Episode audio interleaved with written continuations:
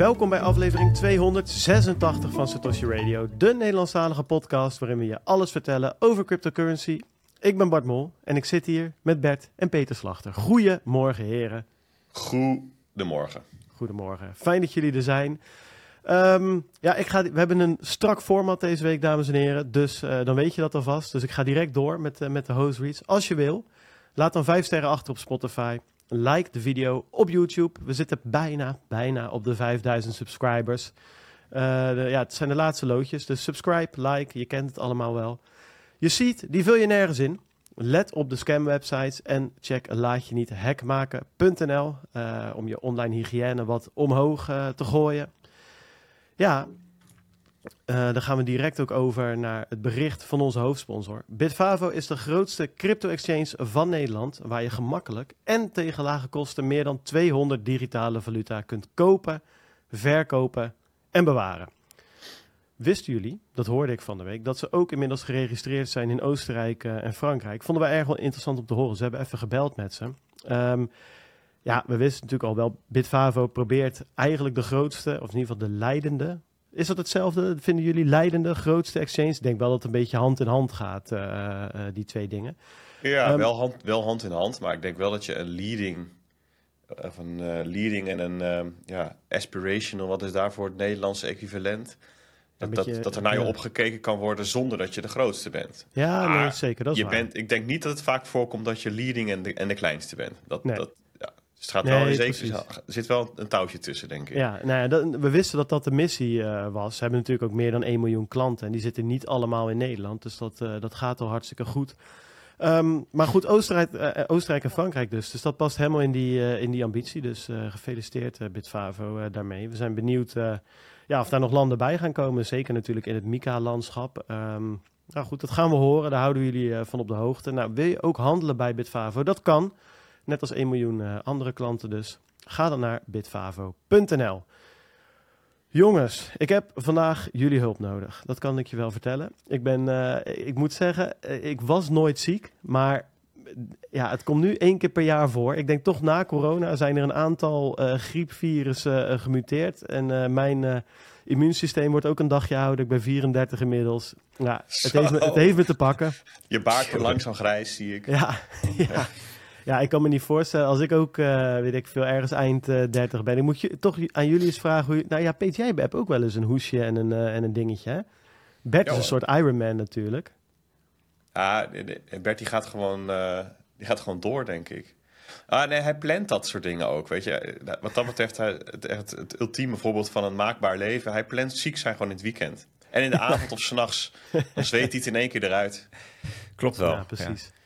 Nee, goed. Dus uh, ja, jongens, ik, uh, het is fijn dat we in de ochtend opnemen. Ik stop al mijn energie erin. Ik ga proberen de show door te komen. Daarna edit ik hem en daarna ga ik weer terug mijn bed in. Want het is echt uh, huilen met de pet op. Maar goed, ja, we kunnen, het was wel een week waarvan ik dacht... Ja, jongens, op vakantie hadden we natuurlijk ook al dat, ik een, dat, dat er van alles gebeurde. De bullrun die begon.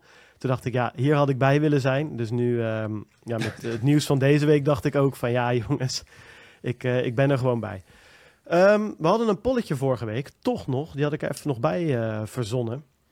En dat ging erover: gebruik jij een uh, wachtwoordmanager, een wachtwoordkluis uh, en 2FA, dus two-factor authentication?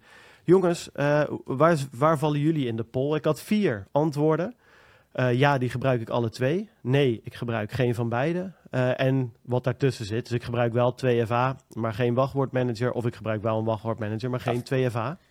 Voor mij geldt ja, alle twee. Mag eigenlijk geen verrassing zijn. Nee, maar als ik, als ik, als ik uh, afga op uh, wat we vorige week in de podcast hadden, dat fragmentje van die, uh, hoe heet ze ook alweer? Monica Geuze en Kai Gorgels. Ex exact, je had een heel leuk fragmentje. Nou, zij spraken erover alsof, ja, alsof je je oude vader en moeder hoort praten over internethygiëne, zeg maar. Mm -hmm.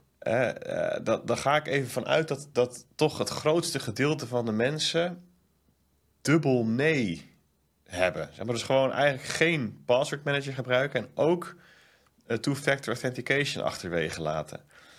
Uh, en dat, um, ja, dat zal dan een procentje of uh, 40 zijn. En dan 30 procent die gebruikt wel een wel two-factor authentication, maar geen password manager. En de rest zit dan meer aan de, eh, aan allebei, allebei ja. Ik denk dat er Ja. weinig mensen zijn die een password manager gebruiken en geen 2FA.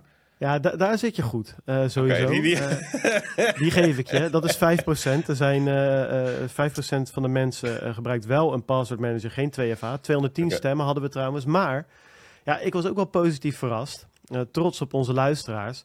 Bij elkaar is het eh 90%, een kleine 90%, eh, die in ieder geval eh 2FA aan heeft staan. Ehm, en de mensen die wel een password manager en 2FA hebben, is 50%, 105 stemmen. Eh, Dat is dus, eh, ongelooflijk. ja, dat is toch Dit- wel, dit eh, is- wel goed. Echt volledig mijn, eh, mijn verwachtingen zijn overtroffen. Dat is wel duidelijk. Ja, dus, eh, en eh, de mensen die geen password manager hebben, geen 2FA, eh, dat zijn er 15. Dus Kai Gorgels en eh, Monica Geuze die luisteren. En, eh, en nog 13 van hun volgers ook, denk ik. Ik Ehm, ben echt heel benieuwd hoe het, hoe het resultaat zou zijn van deze poll als je het bij hun podcast zou uitvragen. Maar dat zouden we eigenlijk moeten terzijde. vragen, maar helaas kunnen we dat niet. Ehm, Goed bezig allemaal. Ja. Lekker. top. Eh, reacties op de show. Peter, ik zie dat jij er eentje van Spotify geplukt had. Ja, zeker. Vind ik altijd leuk. Dus op Spotify, YouTube en op Discord krijgen we tegenwoordig reacties. Ja, YouTube ging een beetje mis deze week. De afgelopen aflevering. Volgens mij is de video vervangen op een gegeven moment. En daarmee ook wat reacties. Eh, maar op Spotify zag ik Jean, of Jean, ik denk Jean, langskomen. Die zei, leuke podcast weer en heb het boek besteld. Nou, dan gaat mijn hartje natuurlijk harder van kloppen. Hè? Ik heb trouwens eh, best wel wat meer eh, mensen de afgelopen tijd die vertellen van... Hey, ik heb ons geld een stuk gekocht of ik ga het... eh, ik ga het zelf lezen. Of ik had hem al, maar de feestdagen komen eraan. Ik ga hem aan nou, Pietje of Jantje geven, schoonpa enzovoort. Dus hartstikke leuk. Ik, eh, ehm, ik hoop dat het weer een beetje een, een, een boost geeft aan de, aan, aan de bitcoin-geleerden van, eh, van Nederland. Ja. Ja, oh, zal ik dan, eh, dan pak ik QB op. Oh ja, Op ik, dacht dat je hem aan mij gaf voor Spotify. Maar gezien Ja. jouw staat, ja, ik wil ook even doorgaan. YouTube, Ja, mag, die, moet ik dus even, even laten passeren. En op Discord zag ik QB. Ehm, die zei, was weer een leuke, gezellige en leerzame aflevering, heren. Een goed begin van het weekend, thanks. Nou, alsjeblieft. En, en wat het was- begin van het weekend, ik, wat ik ook altijd weer mooi vind, is dat mensen zeggen, ja, ik heb een specifiek moment ingeruimd om te gaan luisteren. En die zijn ook helemaal van de leg dus als die podcast later komt. Ja, dat is wel grappig inderdaad. Ja. Ja. Heel soms kan het niet anders. Sorry daarvoor. Maar het is, ja, het is echt tof. We hebben zo'n ontzettend eh, eh, trouwe eh, luisteraarsachterban. En en ja, ik, ik, we hebben gisteren natuurlijk onwijs grote verschuivingen gezien in politieke zin. Nou, dat, ik weet niet of we het daar nog over gaan hebben. Maar de, de verkiezingen zijn net geweest. En dan zie je, jeetje, die achterbannen die gaan wel flink heen en weer. Maar bij ons is het heel stabiel. Eigenlijk Ja. door de hele bergmarkt. Het groeit rust. Het is echt tof. Ja, nee, helemaal eens. En als je denkt van hè, eh, reacties op, eh, op Discord. Nou ja, we hebben op onze gratis Discord, waar je gewoon als gratis lid eh, bij kan, kan je reageren op elke podcastaflevering. Die wordt er automatisch door een botje geplaatst. En dan vinden dus discussies over de podcast plaats. Dat is hartstikke leuk. Ehm, en daar kan je bij door naar bitcoinalpha.nl slash discord te gaan. Eh, kom je automatisch in de Discord. En dan kan je gratis een accountje maken. En dan kan je reageren op de afleveringen. Over podcast gesproken. eh, bij Connector World was René Aron te gast. Dat is een developer en die maakt dus snoepautomaten. Ja, of vending machines. Hè. Ik bedoel, kunnen ook blikjes cola in zitten. Of eh, ja, weet ik veel. tandpasta, die heb je ook nog wel eens op een, op een vliegveld bijvoorbeeld. In China heb je ze, of in Japan heb je ze met, eh, met pizza's. Ehm, of sushi. En, ehm, maar goed, die maakt dus in ieder geval die maakt automaten. En dan kan je met bitcoin betalen. Best wel grappig. lekker aan het knutselen. En daar praat hij over met Stefanet. Dus die kan je gaan luisteren. Er zijn nog een paar andere podcasts. Bijvoorbeeld, ik zag ook dat een van onze sponsoren, Amdax...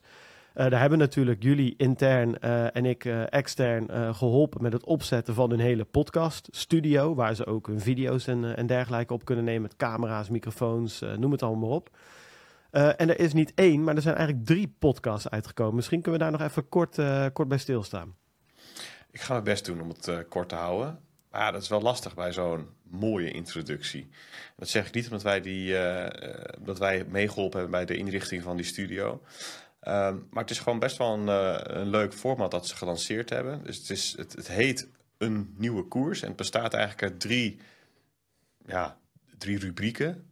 Misschien drie formats. Ik weet niet precies hoe je dat noemt. Maar het zijn eigenlijk Ja. drie verschillende podcast feeds, feeds in één podcast. En e- eentje heet de marktupdate, de andere heet deep dive en de andere heet pioniers. Nou, de marktupdate gaan gaan, gaan ze even een rondje langs de velden maken over de cryptomarkt, wat er gebeurt.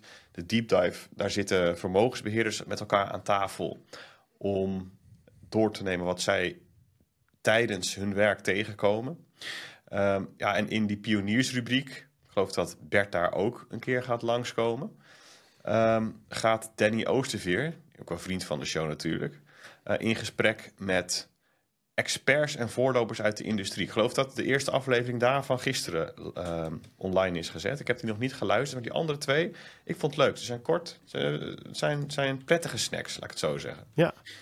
Dus bij deze, van een shout-out, als je, het nog, uh, als je het nog leuk vindt om wat meer podcast te beluisteren. Um, je, kan te, je kunt deze podcast ook gewoon vinden in je podcast-app. Dan kun je even subscriben. Zeker, en zeker omdat... Die, uh, oh ja, ja, ga verder. Ja, sorry, ja, Bert, ja, Bert die, zat, die, zat, deze week uh, ook bij twee podcasts.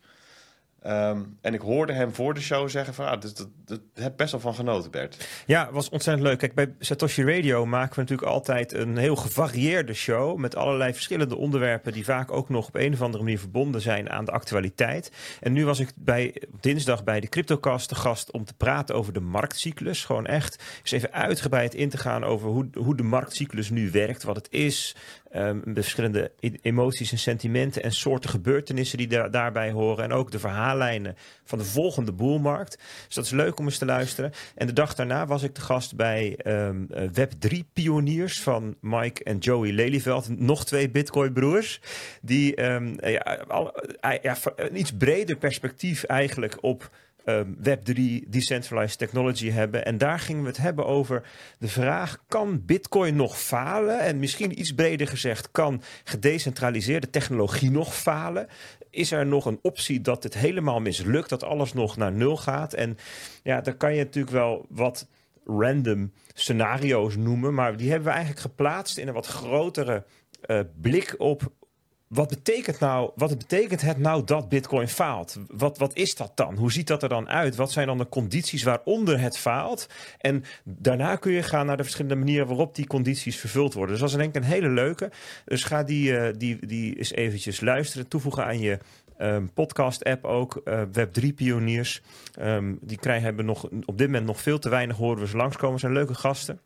Dus um, ja, dat is wel even, even weer eens wat anders. Ja, uh, Oké, dan hebben we, dat, uh, hebben we dat achter de rug.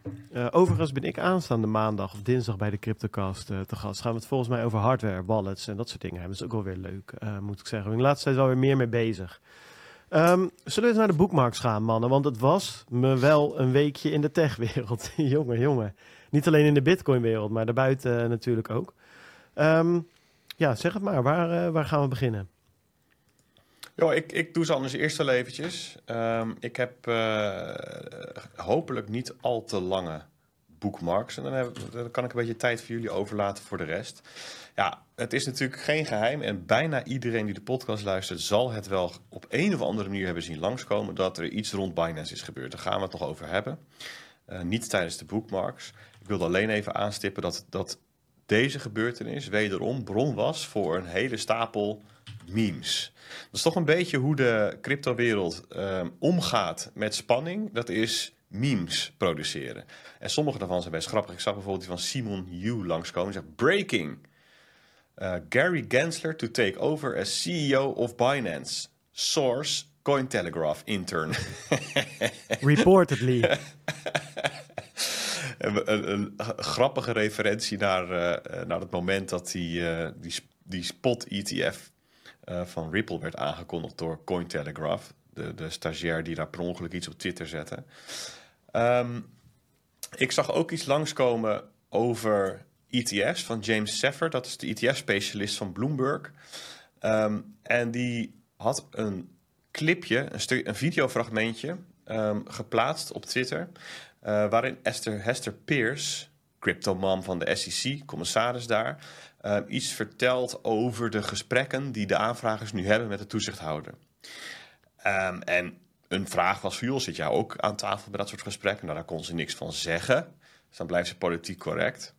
Um, maar ze zei twee dingen. Eén is, er staat nu niets meer in de weg voor de acceptatie van een spot ETF. Een iets stevigere bewoording dan we gewend zijn van haar. Ik bedoel, ze is altijd wel dissonant geweest ten opzichte van het leidende verhaal vanuit de SEC. Uh, maar toch altijd ook wel met, uh, uh, met, een, met een, beetje voorzichtigheid erin. politieke correctheid. Nou, dat, dat verviel nu. en de tweede wat ze zei is van... Um, The lawsuit has given us a nudge. En dat is wel interessant. Dat geeft natuurlijk een klein kijkje in de keuken. Um, en ze refereert dan aan de, de rechtszaak tegen Grayscale waarin drie rechters unaniem zeiden van... hey, die argumenten waarmee jullie niet toestaan dat Grayscale zijn fonds omkat naar een, spot-ETF... Ehm, die kun je niet nog een keer gebruiken om het af te keuren, want daar zijn we het echt niet mee eens. Ja, en kennelijk is dat toch een zetje geweest intern dat dingen in beweging heeft gebracht. Dat hadden we natuurlijk ook al over, dat zou ook logisch zijn, maar het is toch aardig dat Esther Peers dat even bevestigt van binnenuit. Um, daarnaast en tenslotte zag ik iets langskomen van Wijs Crypto. Nou, Wijs kennen jullie denk ik wel, hè, die organisatie.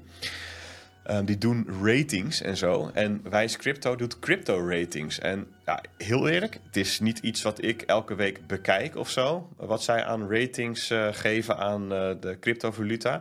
Maar ik zag iets langskomen, namelijk... We have just upgraded Chainlink to een A- rating.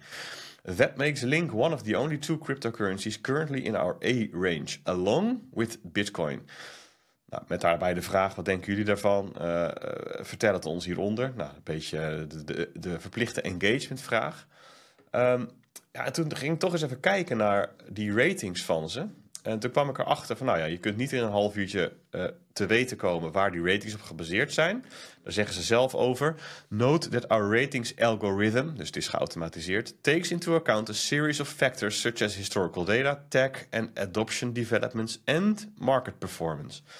En dus het heeft ja, met allerlei factoren te maken die op zichzelf, als je dit zo uh, als categorieën opnoemt, heel logisch klinkt, maar hoe het dan precies werkt nou, dat is het geheim van de smid.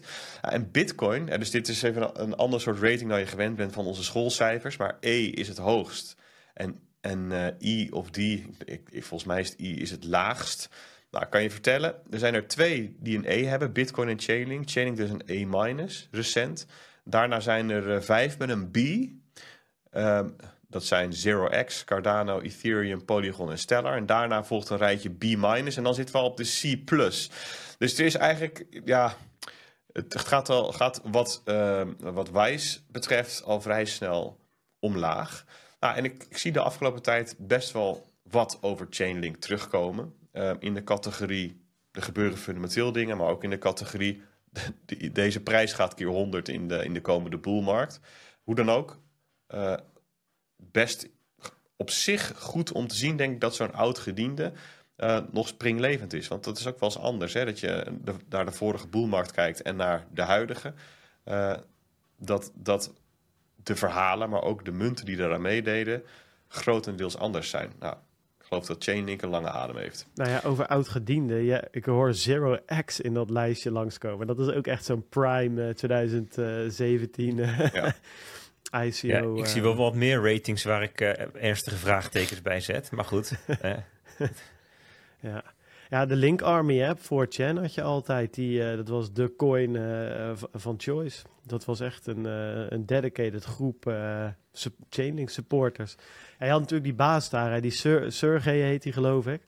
Ja, dat was de bron van veel memes. Zeker omdat hij op een gegeven moment... Hij was een tijdje niet in de media geweest. En toen verscheen hij weer een keertje. Toen was hij voor mij 30 kilo aangekomen. Nou, dat was ja, natuurlijk een bron voor, voor, voor veel memes. Dat... Maar goed, uh, wie weet gebeurt er. Ik heb het niet gevolgd, moet ik, uh, moet ik zeggen. Natuurlijk een Oracle, uh, is het eigenlijk. Hè? Dus of dat, dat, dat was hun ding altijd, dat ze oracles gingen leveren, toch? Ja, het, het, het, idee is dat er um, dat op blockchains allerlei applicaties komen te draaien. daar, daar zijn natuurlijk destijds de smart contract platforms voor uitgevonden. En Chainlink sprong in het gat van nou, als dat zo is, is de kans groot dat die applicaties ook gegevens van buitenaf nodig hebben. Um, en hoe gaan we die op een betrouwbare manier aan die applicaties voeren? Uh, op een decentrale wijze. Hoe, hoe, hoe, moet het gaan werken? Nou, en op die manier is Chainlink tot stand gekomen. En, en inderdaad, de, termen oracles, uh, de term oracles uh, stamt ook uit die tijd. Zeker. Um, Ja, ik zei het in de intro net, eh, net ook al eventjes. Ehm, er was, eh, gebeurde deze week nog meer. het, was, het was niet normaal, eigenlijk. Wat we, wat we zagen. Voor mij was het op 17 eh, november uit mijn hoofd. Ja, op vrijdag. Er kwam opeens een tweet naar buiten van OpenAI. Die zeiden OpenAI announces leadership transition. Ehm, en wat stond daarin? Nou, eh, dat het bestuur eh, Sam Altman, de CEO, op straat had gezet. en blijkbaar kan, dat. La- later komt ook naar buiten waarom. Omdat OpenAI begonnen was als een soort van, ja, hoe noem je dat? Eh, eh, stichting eigenlijk. Hè? Ze waren niet, eh, geen winstbejag. en om dat soort van te enforcen, Ja, het was een soort Eh, goed doel, hè? Ze gingen de, ja, de wereld precies. beter maken met, hun, eh, met, met al hun AI-skills. Ja, open AI, AI voor iedereen. Eh, dus hebben een, een, een bestuur dat blijkbaar dit soort beslissingen eh, kan nemen. Maar ja, daarna ontvouwde zich een soort van eh, goede tijden, slechte tijden, wat zich in het weekend heeft afgespeeld. Eh, wat er uiteindelijk toe leidde dat volgens mij eh eergisteren of zo, of ja, eergisteren, eh Sam Altman weer terug was als CEO. In de tussentijd, eh, nou, hij was dus weggestuurd. Hij heeft één dag voor Microsoft gewerkt en toen ja, zei eigenlijk bijna alle werknemers van OpenAI, nou dan vertrekken, als Sam Altman gaat, dan vertrekken wij ook. En toen moest hij weer terugkomen. Ja, het is, ik hoef er voor de rest niet heel diep op in te gaan, maar ik heb het, ik, ik heb het gevolgd. En ik vond het vooral zo ongekend dat het zich eigenlijk allemaal, zonder dat er een rechtszaak was, eh, in het publieke domein heeft afgespeeld. Op Twitter eh, in dit geval. Ik vond het ook een hele rare gewaarwording hoe ineens serieuze CEO's van serieuze bedrijven als een soort van DJ als gieren boven al die medewerkers van OpenAI gingen hangen. Hoe je mag wel bij mij komen werken. Ik, ik geef je heel veel money. Kom alsjeblieft. Pretty please. Zo, het is echt heel vreemd. Ja. heel Vond apart. ik ook. Ehm, ja, dan eh, iets anders wat ik zelf heel erg tof vind. Eh, ja, ik hou van science fiction. Ik hou van eh, alles wat een beetje met de ruimte te maken heeft. En ehm, eh, ja, er is weer een Starship de ruimte ingeknald. En dat ging deze keer beter dan, dan de vorige keer. Ja, ik zag daar ook allemaal video's van langskomen. Ehm ja, een van mijn bookmarks. En ik dacht van ja joh, ik, ik gooi hem er even in. Ehm, weet je wat, ik laat hem gewoon even zien. Eh, dan hebben we dat ook weer eh, gehad. Sonido.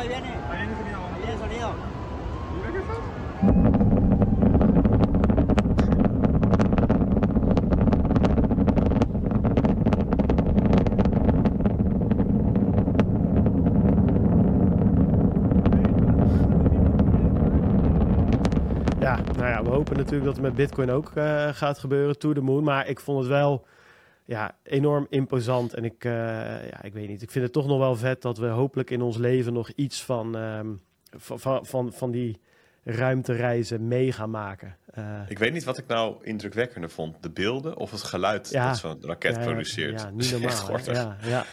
Ik wil Dus, het ook nog wel eh, een keer live zien. Echt wel Ja, tof. nou ja, inderdaad. Ja. En ehm, nou, we waren we, toen ooit een keer in de buurt, toen we in Miami waren. Maar eh, volgens mij was er toen zelfs ook eh, een of andere lancering, maar toen waren we net weg.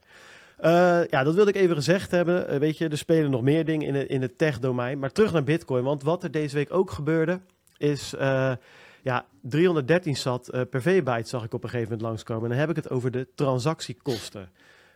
Ja, dat is wel echt, ehm, om het maar op zijn vlakkees te zeggen, gortig hoog.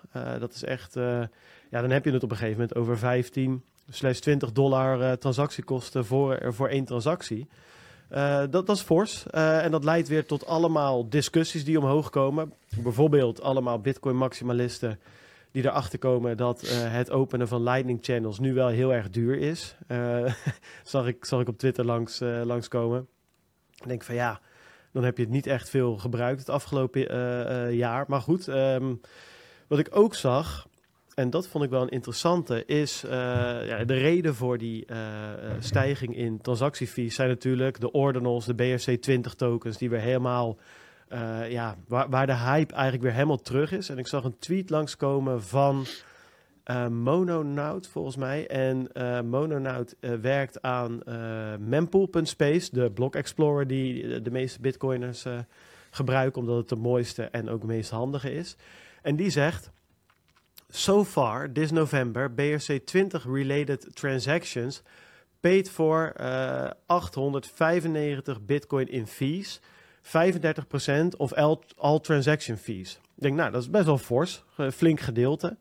Maar wat ik dan ook altijd denk, eh, net als bij verkiezingen bijvoorbeeld, eh, ja, best wel veel, 35%. Maar dat betekent ook dat er nog 65% is die, eh, die geen BFC 20 transacties doen, maar ook gewoon die fees betalen. En dat is natuurlijk wel een interessante dynamiek aan die mem mempool.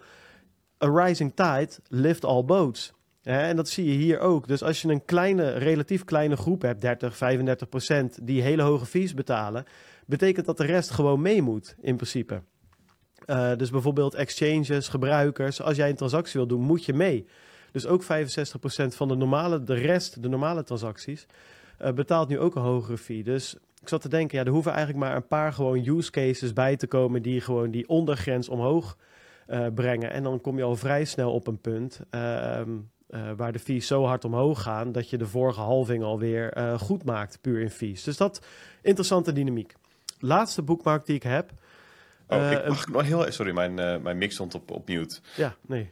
Uh, ik vind ook dat er altijd wat een soort verrassingselement in zit in die mempool dynamiek. Hè. Dus zo, zo, zolang er nog wat ruimte is in een blok hè, en het vooruitzicht is van nou, de komende bloks hebben we gewoon nog wat ruimte. Um, dan zijn die fees best wel laag. Hè. Er wordt niet echt ge, dan gestreden om een plekje in een blok. Maar zodra je de grens overgaat van er ontstaat een rij, stijgen die fees veel sneller ja, het is in kortere tijd en, en harder ook. Dus best wel snel omhoog dan je eigenlijk zou verwachten. Je zit al best wel snel op een fee waarvan je zelf denkt... oh, oké, okay. uh, het wordt nou wel... Uh, dat, dat stekken, dat wordt nou wel duur bijvoorbeeld of zo. Hè? Van, ja. oh, uh, misschien had ik iets aan consolidatie moeten doen... van, van de stukjes bitcoin die ik in het port. Daar komen we straks nog even op.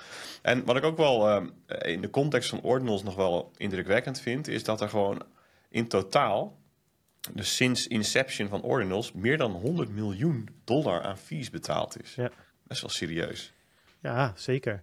Ja, en ja, goed, daar moeten we. Ik had het met Bert voor de aflevering over. Misschien moeten we een keer over dit soort onderwerpen, soort deep dives maken. Hè, omdat we daar in de afleveringen niet altijd uh, aan toekomen. Um, maar goed, het, het, is, het is erg. Uh... Het, wat, wat het grappige is, we hebben het heel vaak over zelfversterkende effecten. Hè?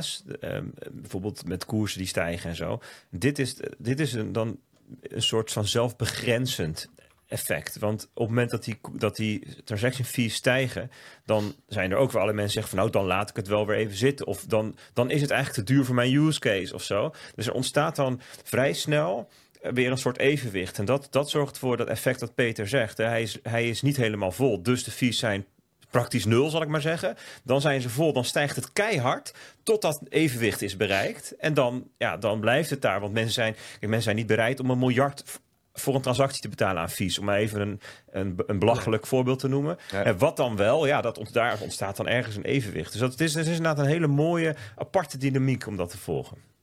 Ja. Um, dan kom ik nog een laatste ding tegen. Uh, daar zou ik eigenlijk nog wel eens een keer meer tijd aan willen besteden. Misschien leuk dus voor een deep dive of een uh, Alpha Insights of zo, whatever.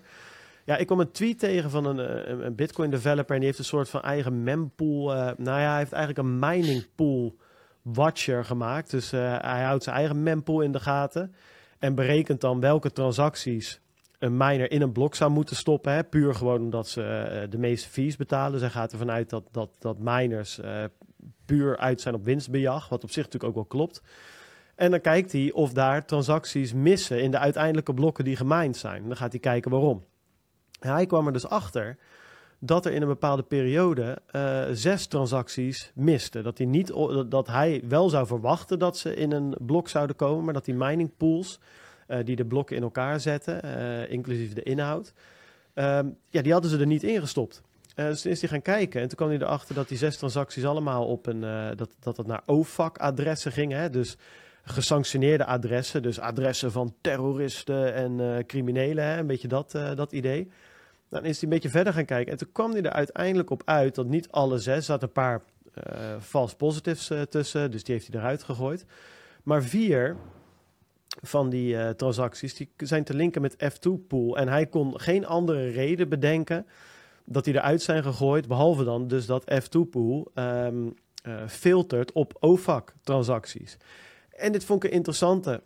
Uh, omdat we natuurlijk bij Ethereum een tijdje terug hebben gezien dat je ook die OFAC-compliant dingen had. En ja, bij Bitcoin zit het niet per se heel anders. Tuurlijk zijn er dingen in te brengen. Tuurlijk kan je zeggen, ja, eh, F2 pool, als ik het er niet mee eens ben als miner, hè, als ik mijn miner hier in mijn studio heb en ik zit bij hun pool en zij filteren transacties, ben het er niet mee eens, dan ga ik naar een andere pool. Hè. Ik kan heel makkelijk mijn pool verwisselen. Maar toch zitten er wel een paar haken en ogen aan. Dat is een mooi linkje naar een heel goed artikel op bitcoinmagazine.com. Uh, are mining pools becoming a problem? En ik denk dat we daar nu niet helemaal op in hoeven te gaan. Maar het is wel een hele interessante read. Uh, ik dacht er wel van, oeh, daar zitten toch wel een paar punten in... dat we toch maar eens echt vaart moeten gaan maken... met bijvoorbeeld initiatieven als Straat V2. Uh, omdat we ons wel... Um, nou, het, het is allemaal niet zo gedecentraliseerd als dat we soms denken. Laat ik het zo zeggen. En uh, nou, vond, vond ik een paar interessante dingen die, die goed bij elkaar pasten.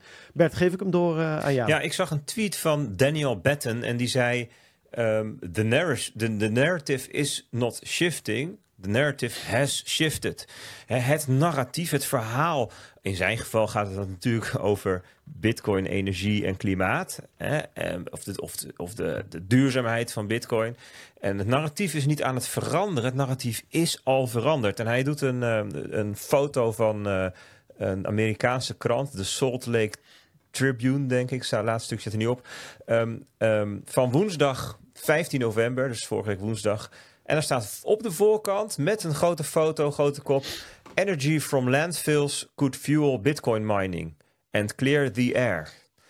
En hij zegt, ja, weet je, we hebben altijd over van dat Bitcoin onderdeel zou kunnen zijn, misschien van de oplossing. Hè, dat, dat dat misschien een verhaallijn zou kunnen worden. En hij zegt nu, dat is nu een verhaallijn. Het staat gewoon op de voorkant van, van een krant.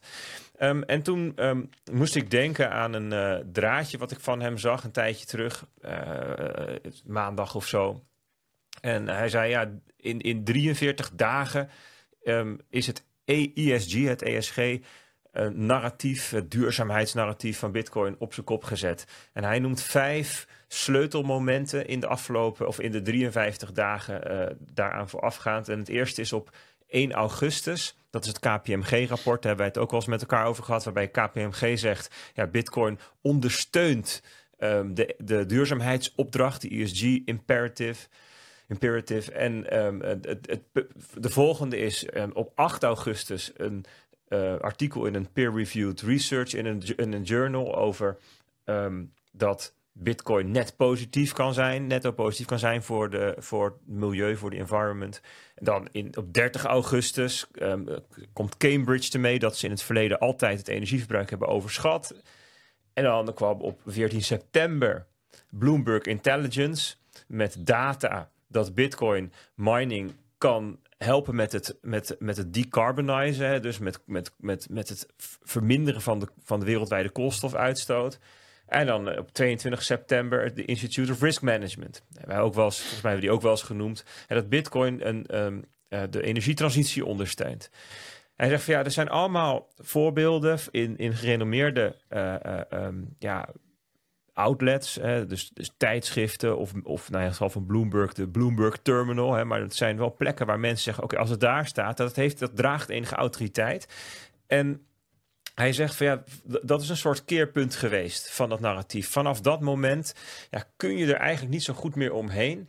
Um, en um, zei hij ook nog van um, een andere tweet, ook deze week. Ja, weet je, de data ondersteunt niet langer meer de stelling: Bitcoin is slecht voor the environment.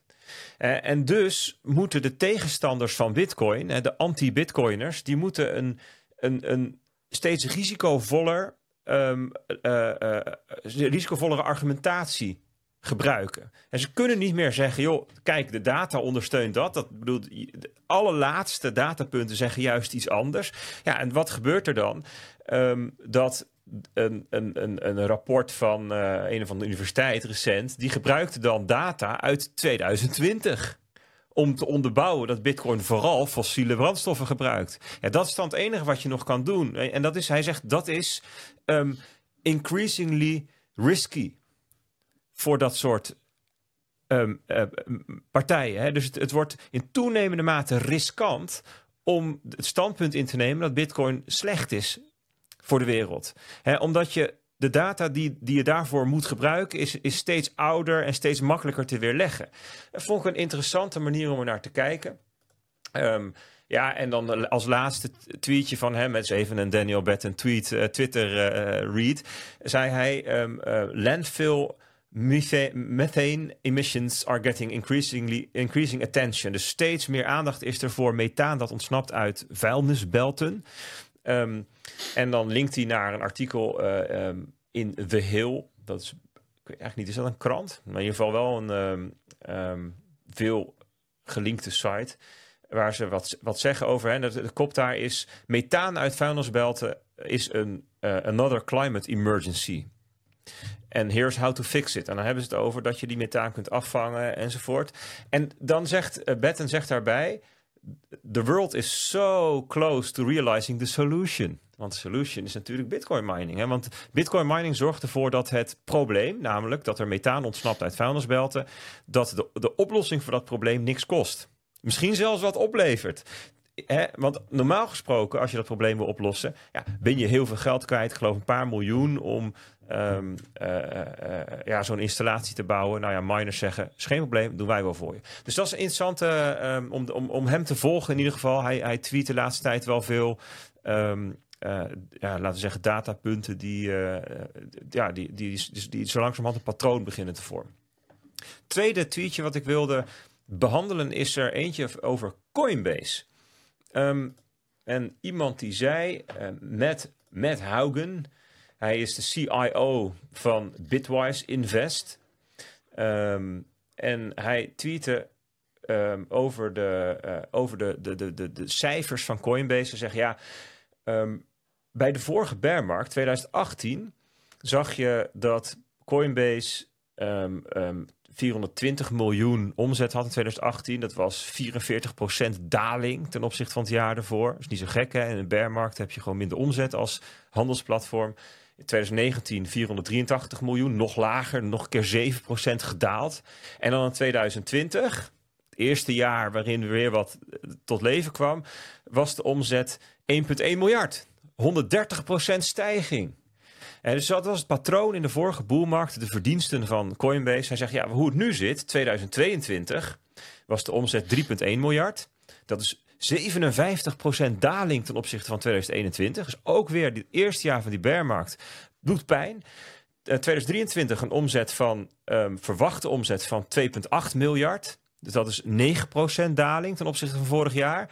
2024 dubbele punt. Vraagteken, vraagteken, vraagteken. Hij zegt, ja, als dat patroon zich herhaalt, ja, en dat suggereert hij daarmee, dan zou Coinbase voor volgend jaar wel eens een ongelofelijke uh, omzetsprong kunnen maken. Hij zegt erbij coiled spring, in my opinion. Hè, coiled spring, dat is eigenlijk zo'n veer, die, een gespannen veer, die als je die loslaat, dan doet hij poing en dan gebeurt er een boel. En ik zie dit de laatste tijd vaak, dat er um, analyses gemaakt worden van Coinbase, pas bij Bankless, de bull case voor Coin. Hè, dat is dan het aandeel Coinbase. Um, en ja, er zijn best wel wat argumenten voor uh, om te zeggen van ja, dat Coinbase um, heel veel gebouwd heeft in de afgelopen jaren en um, uh, de potentie heeft om in de komende twee jaar een ongelooflijk goed presterend aandeel te worden. Misschien wel uh, nog veel beter dan Bitcoin zelf. En dat is natuurlijk interessant. Dus we hebben ook heel veel Bitcoin en Ether op de balans. Dus alleen al wat dat betreft gaat, gaat dat... Is dat ja. zo tegenwoordig? Want met, ik weet nog met beursgang dat er toen een van de um, klachten was die veel mensen hebben. Van jullie zijn een, een bitcoin of crypto bedrijf. Jullie hebben eigenlijk amper crypto. Ja, volgens mij wel. Tenminste, ik hoorde dat in die podcast langskomen. Ik zou het eigenlijk even ja. moeten verifiëren. Maar daar werd gezegd dat, er veel, dat ze veel, uh, maar, maar, dat veel crypto hebben. Want ze hebben bijvoorbeeld ook ja. um, uh, allerlei andere projecten waar ze in geïnvesteerd hebben. Bijvoorbeeld ook Optimism. Ja, hè? Dus toen ze Base gingen bouwen, hun, hun, hun uh, roll-up, hebben ze ook een zootje van die op-tokens gekocht of gekregen of whatever. Dus ze hebben best wel veel uh, crypto die ook nog de potentie heeft om juist in de boelmarkt nog weer explosief te groeien. Um, maar goed, wat, ze, wat, ze, wat natuurlijk de afgelopen jaar bijgekomen is in narratieven, is dat Coinbase de, de custodian is voor die ETF's.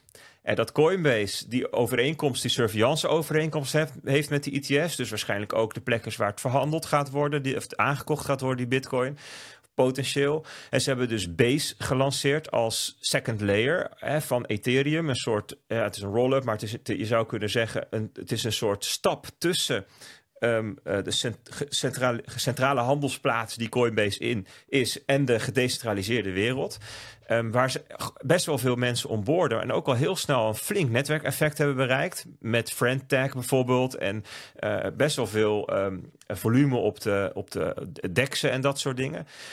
Coinbase Verifications hebben ze gelanceerd. Daarmee kun je een aantal ja, soort van proofs. Hè? eh, ehm, ja, het zit in de categorie van decentralized identity, maar je kunt een aantal bewijzen over jezelf minten, die je dan als token hebt, waarmee je bijvoorbeeld bewijst: ik ben een Coinbase klant of ik kom uit Nederland, zonder dat je iets hoeft prijs te geven eh, van je adres of van, ehm, eh, van, van je, van je accountgegevens of je naam. En het aardige is dat je met dat bewijs dus op bepaalde DeFi-protocollen dingen kunt. Omdat, je, omdat ze bijvoorbeeld klanten uit de Verenigde Staten moeten weigeren. Nou, dan kan jij bewijzen, Ja. ik, ben, ik ben iemand niet uit de VS, dus ik mag.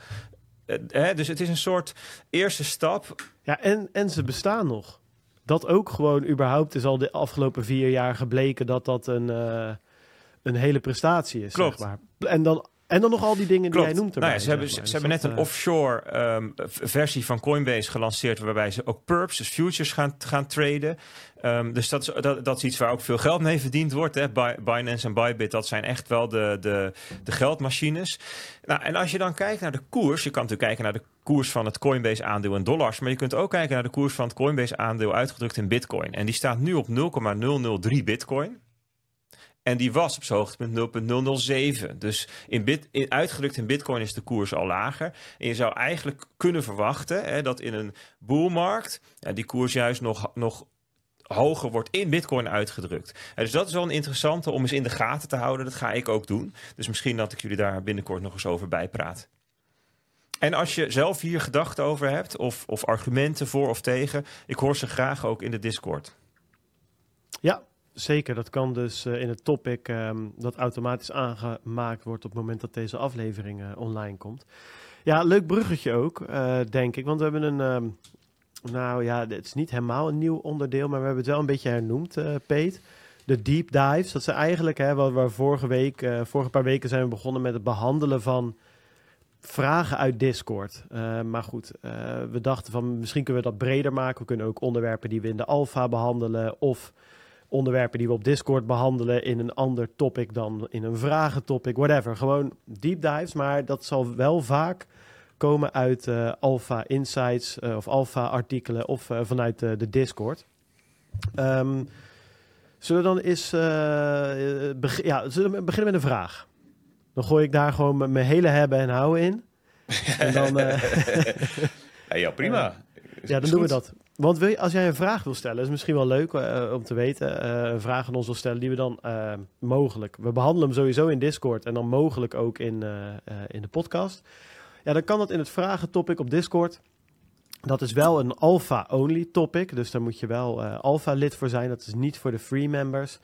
Ehm, maar het leuke is, dat kan je gewoon proberen voor, denk ik, een eurotje voor een maand in ieder geval. Misschien wel meer. Ik weet niet welke actie we op dit moment open hebben staan. Uh, maar probeer dat eens even. Ga naar bitcoinalpha.nl en uh, word daar uh, alpha lid. En dan kan je dus vragen stellen in het vragentopic. En het leuke is, dat wordt volop gedaan.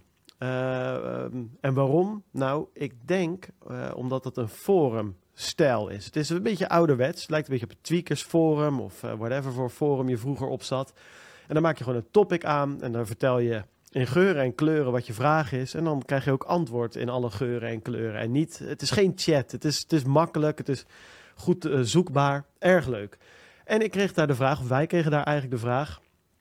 Ja, dat is wel grappig. Hij wordt gericht aan Bert, uh, maar de anderen mogen ook uh, antwoord geven als ze in een goede bui zijn. Ik zag dat laatst ook ergens anders, vond ik ook wel mooi. Of Bert of Peter mocht dan antwoord geven. Dacht ik, nou oké, okay, dank jongens. maar oké. Okay. Even kijken, Floyd, die vraagt... Um, jouw seed bewaar je niet thuis, want dan heb je kans op een 5 dollar range attack. Maar waar dan wel? Wat is jullie advies? Even voor duidelijkheid, mensen die het niet weten. Uh, de 5 dollar range attack, ja, dat is een beetje... Ik vind altijd, er is een mooie meme die daarbij hoort. Een soort uh, uh, ja, stripverhaaltje. Um, daar zie je dan een of andere nerd... En die zegt dat hij allemaal passphrases heeft en uh, dat je zijn uh, seed niet kan kraken, want er zit encryptie op en whatever. En dan staat er een crimineel tegenover en die zegt, ik heb hier een 5 dollar range. Als je nu je seed niet geeft, dan sla ik je hersens in. En dat geeft wel een beetje aan wat het risico is eh, van alles thuis bewaren. Kijk, Bitcoin kan natuurlijk nog zo goed goede encryptie gebruiken en allemaal andere dingen. Op het moment dat iemand voor je deur staat en die zegt van ik ga je een klap geven, dan eh, verandert de zaak. Nou, de vraag is van joh, hoe kan je dat voorkomen? Ehm, dus hij vraagt van hoe kan je het beste je seed bewaren? En ehm, daar heb ik antwoord op gegeven, dus ik zal die hier eventjes uh, delen met jullie.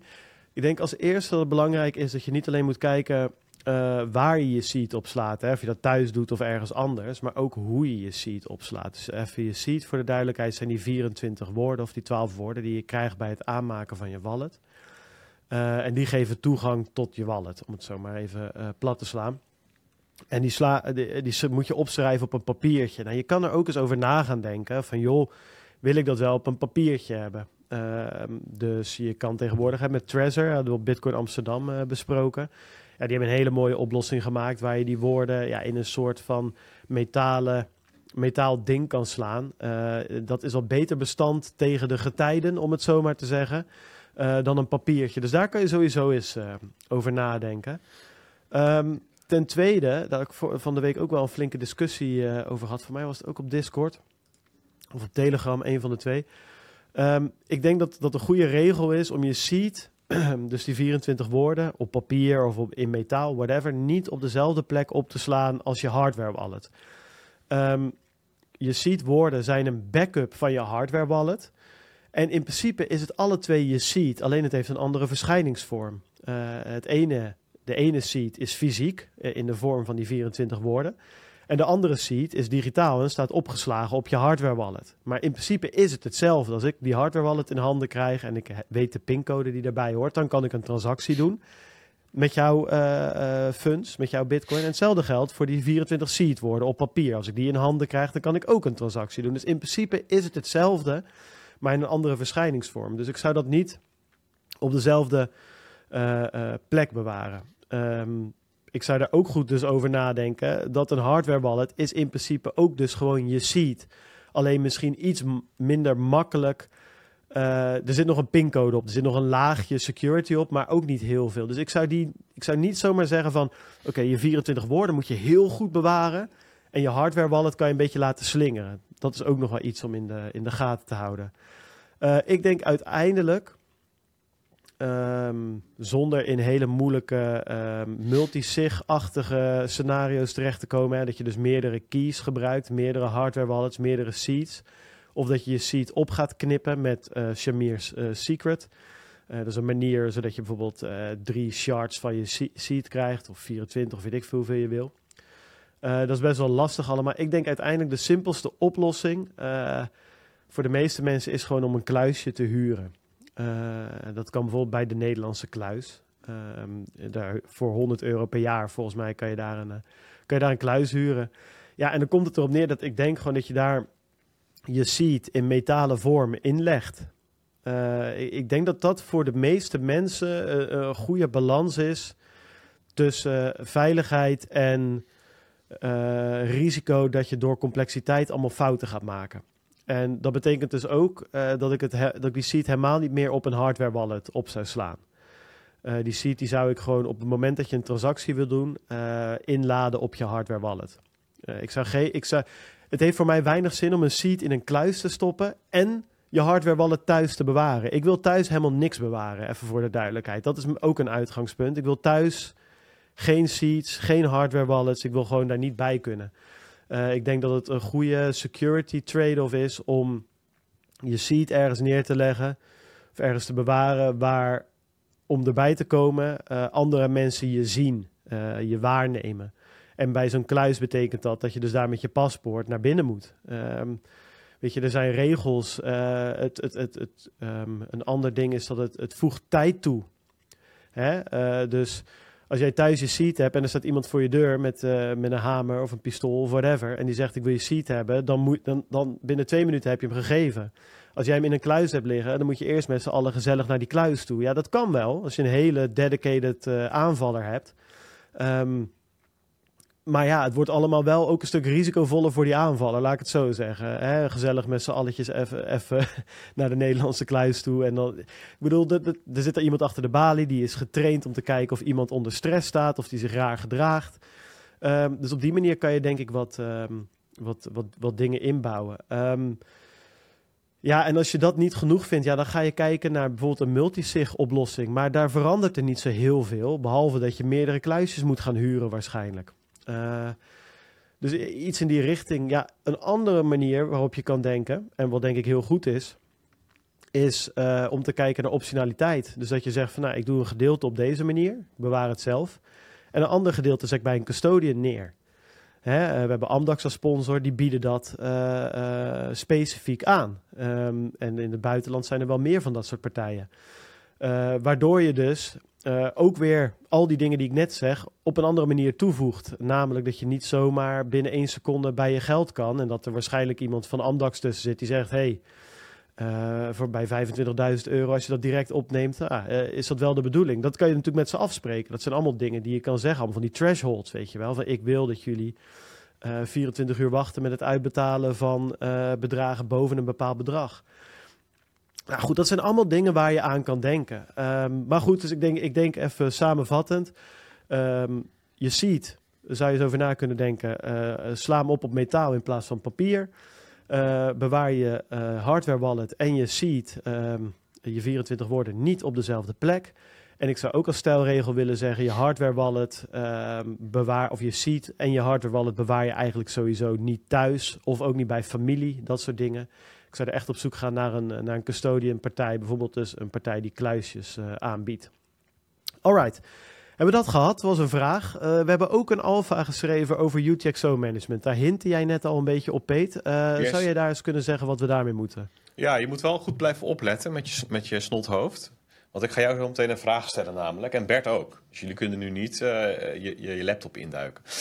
Ehm, Ga ik absoluut eerst, niet doen. Ik, ik ben erbij. Ik zit Eerst eh, scherp, scherp blijven, jongens. Scherp, Ja, ja, kom op. Ik ben blijf erbij. Oeh. Ja. Heb je zo'n eh, zo'n shot, zo'n Tweede Wereldoorlog shot met eh morfine of zo, weet je wel? Stay with us, stay with us, soldier! adrenaline spuit. Recht in je hart precies, krijg je. ja. Ja, ja. Maar ik zal eerst even, oké, we hadden het over UTXO's. Even terug naar de basis, kort. Bitcoin lijkt op cashgeld. Ehm, hè, dus net zoals dat er in jouw portemonnee stukjes euro zitten... in de vorm van munten en biljetten, cashgeld... eh, bevat een bitcoin-portemonnee ook stukjes bitcoin. En die noemen we unspent transaction outputs, UTXO's. En iedere keer als jij wat bitcoin naar jezelf opstuurt... krijg je die als UTXO in je wallet binnen.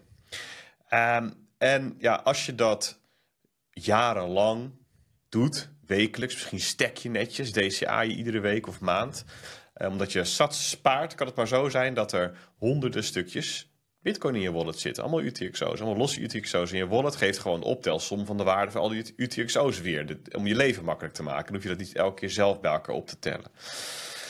Ehm, maar stel, hè, weet ik veel, je, hebt, eh, je bent een wholecoiner geworden in al die jaren. Je hebt één BTC, maar die bestaat uit 100 stukjes. En je gaat die ene BTC ga je opsturen. Nou, dan veegt je wallet al die UTXO's bij elkaar en die stopt die in een transactie. Ehm, en zo'n transactie, het uitvoeren daarvan, wordt duurder naarmate het gewicht ervan toeneemt. Ja, ik kan een beetje vergelijken met een PostNL pakketje. Dus hoe, meer, hoe, meer, hoe meer je, in een doos stopt, hoe zwaarder het pakket wordt, hoe meer je moet dokken voor het versturen van dat pakket. Anders, anders rijdt die eh, PostNL-wagen gewoon niet. En, en die doos is de transactie. Wat erin gaat zijn de UTXO's. Nou, PostNL zou je kunnen vergelijken met het Bitcoin-netwerk. En zo geldt ook voor een Bitcoin-transactie. Elke keer als je er een extra UTXO in doet, eh, wordt die een beetje zwaarder. En dat heeft te maken met dat elke UTXO ehm, gelijk staat aan een bepaalde hoeveelheid gegevens. En die gegevens, ehm, ja, die transactie, die representeert al die gegevens. Ehm, en dus is er iets uitgevonden, eigenlijk iets heel logisch, eh, om te voorkomen dat zo'n transactie heel zwaar wordt. UTXO-consolidatie. Consolidatie, moeilijk woord, dat betekent het samenvoegen van nauw verwante delen. Stuk makkelijker. Eigenlijk kunnen we ook gewoon zeggen UTXO sa- samenvoegen. En dan weet je eigenlijk wat er gebeurt. In plaats van dat je 100 UTXO's in je portemonnee hebt, maak je er één of enkele van. Ehm, En dat zorgt er weer voor dat als je je geld wil versturen, je bitcoins wil versturen, dat het minder duur is. En dat is natuurlijk handig, eh, zeker op het moment dat de transactiekosten hoog zijn. En dan moet je je voorstellen dat je nu een hele zware transactie de deur uit wil doen. Nou, dan kan het zomaar tientallen of honderden euro's kosten. Ja, ik weet niet, afhankelijk van de waarde van die transactie, van, hoeveel sats het gaat, kan het zomaar ook tientallen procenten zijn ehm, van wat je aan het versturen bent. Dat is niet handig. Um, Bart heeft daar een mooi uitgebreid artikel over geschreven, gepubliceerd als Alpha Insight. En normaal kost dat money om dat te lezen. Maar dit keer niet, want hij is gratis te lezen voor iedereen op bitcoinalpha.nl. Dus dat daar, hè, even voor wie hier meer over wil weten, lees dat artikel. Een klein ehm, gebaar naar de mensen toe, weet je wel, naar het volk. Zeker.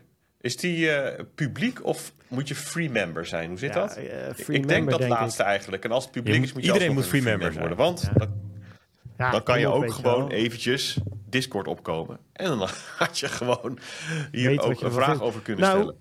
De vragen daarover. We, we, hebben echt een topic met 40 vragen erin, volgens mij. Nee, is, is perfect. Dus daar kan je nog meer kennis op doen, op slurpen.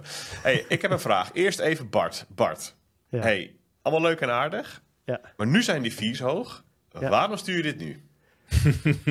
ja, goede vraag. Uh, nou, omdat ik denk, kijk, ik heb daarover nagedacht. Waarom stuur ik dit nu? Moet ik het dan niet meer sturen, dacht ik. Hè? Dat is een beetje de, um, het andere. En ik denk dat in een toekomst, laat ik het zo zeggen. Ik zeg niet dat, oké, in een toekomst waar Bitcoin succesvol is, hè, waar we naar de 100.000 dollar gaan en verder, Weet je, de, echt wat we allemaal hopen. Maak even een aantekening hoor. Bart Colt, 100.000 dollar. Ja, nee, maar nee, nee. In Hoeveel een december? Ik, nee, nee, nee. Ja, volgende week.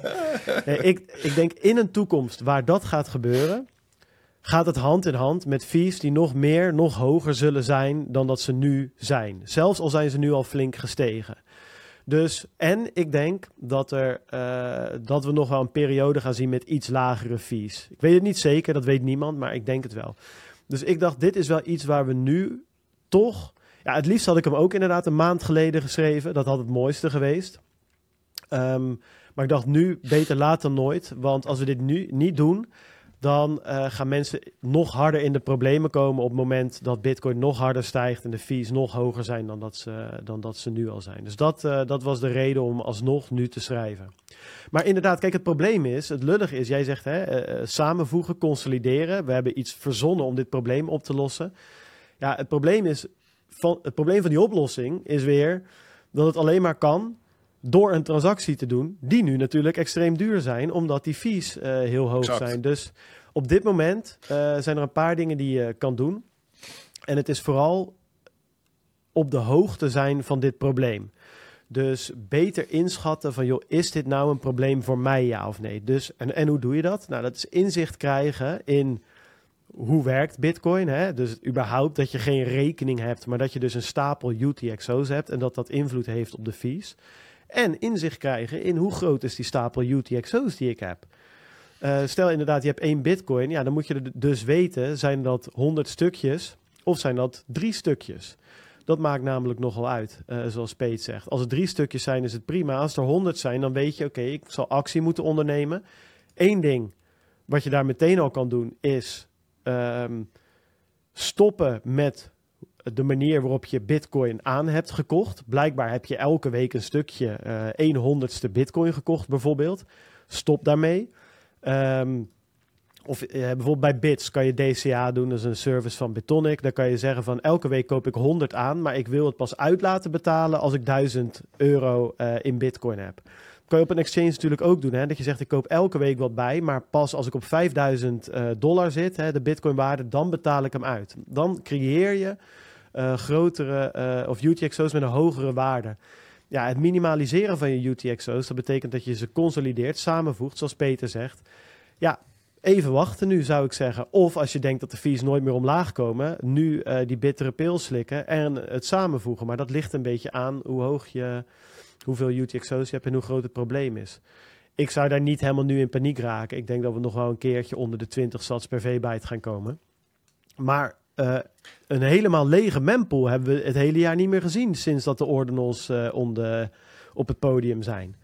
Dus ja, eh, ehm, het is wel iets waarvan je op de hoogte moet zijn. Ik denk dat dat het belangrijkste Ja, is. zeker. En, en, en nu ga ik je onderbreken, anders verklap je te veel van je insight. Er moet ook nog, eh, er moet ook nog een snoepje zijn die je krijgt als je... er staat het nog veel meer in. Veel Eh, meer. En ehm, nou, Bert, nog even korte vraag aan jou. Wat is een slimme Een consolidatiestrategie? slimme strategie. Ja, dat is wel interessant. Er zijn inderdaad manieren om dit eh, slimmer te doen dan als de fees op zijn hoogst zijn, al je UTXO's naar één ding te sturen. Ehm, en je hebt ook nog te maken met het vraagstuk rondom privacy. Want, door al je UTXO's naar één ding toe te sturen, eh, eh, eh, verbind je ze allemaal aan elkaar. Hè? Dus ook als daar, ja goed, dat, dat, dat, is, dat is het nadeel van een blockchain waar je alles kunt zien. Hè? Ehm, dus ja, er er zijn, er zijn mensen die hebben het over dynamisch consolideren en zo. Dus je, wat je zou, bijvoorbeeld zou kunnen doen is als je ehm, eh, een betaling gaat doen met bitcoin of iets gaat besteden of iets naar een exchange wil sturen of iets van je warm of naar je cold eh, storage wil sturen, dat je dan kijkt hoe hoog zijn de transactiekosten op dit moment? Zijn ze laag? Dan pak je er een heleboel kleine. Zijn ze hoog, dan pak je één hele grote. En dat je op die manier af laat afhangen van wat op dit moment de kosten zijn. Voor of je dan on the fly consolideert. Dat is eigenlijk wat je dan doet. Eh, dus dat zou een, een strategie kunnen zijn. Mooi. Ja, en eens. daarmee snij je een onderwerp aan die eigenlijk een losse deep dive eh, verdient. Dat is hoe, hoe kiezen wallets nou eigenlijk die UTXO's automatisch. Dus er zit ook nog een hele wereld achter. Ehm, en, ehm, en ook de vraag waarom helpen wallets hier eigenlijk niet beter bij? Het zou toch een hele mooie eh, gebruiksvriendelijkheidsfeature zijn. Om, een wallet zou, als de fees laag zijn, best wel eens een tip kunnen geven of zo. Weet je wel, van hey, misschien eh, zou Ja, je hey, wat gozer, je aan je huishouden met- ja. kunnen doen. Ja, precies, ja. Je kamer is een zooi, weet je wel. Ruim het eens op. Ja, inderdaad. Ben ik helemaal met je eens. Het is eigenlijk stom dat ze geen push message sturen of zo. Ja, inderdaad. Nou, dan doen wij het maar. Maar goed, wel op het moment dat de fees eh, hoog zijn. Dus raak niet in paniek, maar lees die alfa, verdiep je erin en maak een plan. Dat is denk ik eh, wat we proberen eh, te zeggen. Zullen wij eens doorgaan? Even kijken, wat hebben wij op ons prachtige programma staan? Nou, zal ik jullie eens vertellen, dames en heren. Ik wil eens even iedereen bedanken die deze uitzending mede mogelijk maakt. En dat zijn natuurlijk onze alfa's, onze luisteraars, maar ook al onze sponsoren die al jarenlang als één blok achter ons staan, zodat wij elke week ehm, ja, de podcast kunnen maken.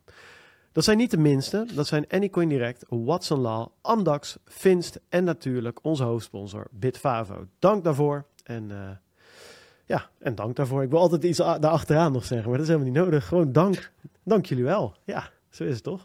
hey, Mark, deed je Bert. Ehm, ik, eh, ik, ik, ik zal deze week eens een keer geen vraag stellen waarin, waarin ik je helemaal van je gebaande pad aftrek. Maar ik heb dus een, ehm, op mijn telefoon heb ik een koers-widget van TradingView. En daar kan ik dan een beetje bijhouden wat de Bitcoin-koers doet. Zoals het een echte eh, Bitcoiner betaamt. En wat ik deze week zag, wat ik wel gortig vond, we hebben dus een paar daily candles gehad waarvan ik dacht, nou, ik weet niet wat er allemaal gebeurt, maar volgens mij gewoon daily candles van bijna 10% omhoog en dan de volgende dag bijna 10% omlaag en dat gewoon nog een keer een paar dagen later. Dus ik ben wel benieuwd of dat, eh, ja, wat hier aan de hand was met die gortige koersstijgingen en Ja, koersdalingen. iets minder dan 10%. Ik, ik hoopte dat ook. Ik dacht eens even kijken of het er bovenuit komt. Maar ik geloof 8, 7, 8, 9. Een beetje die orde grootte. Maar dat is inderdaad alsnog best wel flink. Eh, Zeker omdat we ook wel gewend zijn geraakt afgelopen jaar aan eh, ehm, eh, zeg maar best wel kalmte op de Bitcoin-markt. Ehm eh, behouden ze een aantal korte periodes waarin de koers dan snel steeg. Hè. Begin januari, ik geloof 15 januari. En dan met maart met Silicon Valley. Dan zie je ineens in korte tijd, eh, meestal een week, 10 dagen, dat die koers zoveel stijgt. Daarna was het weer rustig. Ehm, en nu dan eh, eh, eh, een hele hoop gestuiter. Per saldo staan we nu ongeveer weer op hetzelfde niveau als een week geleden.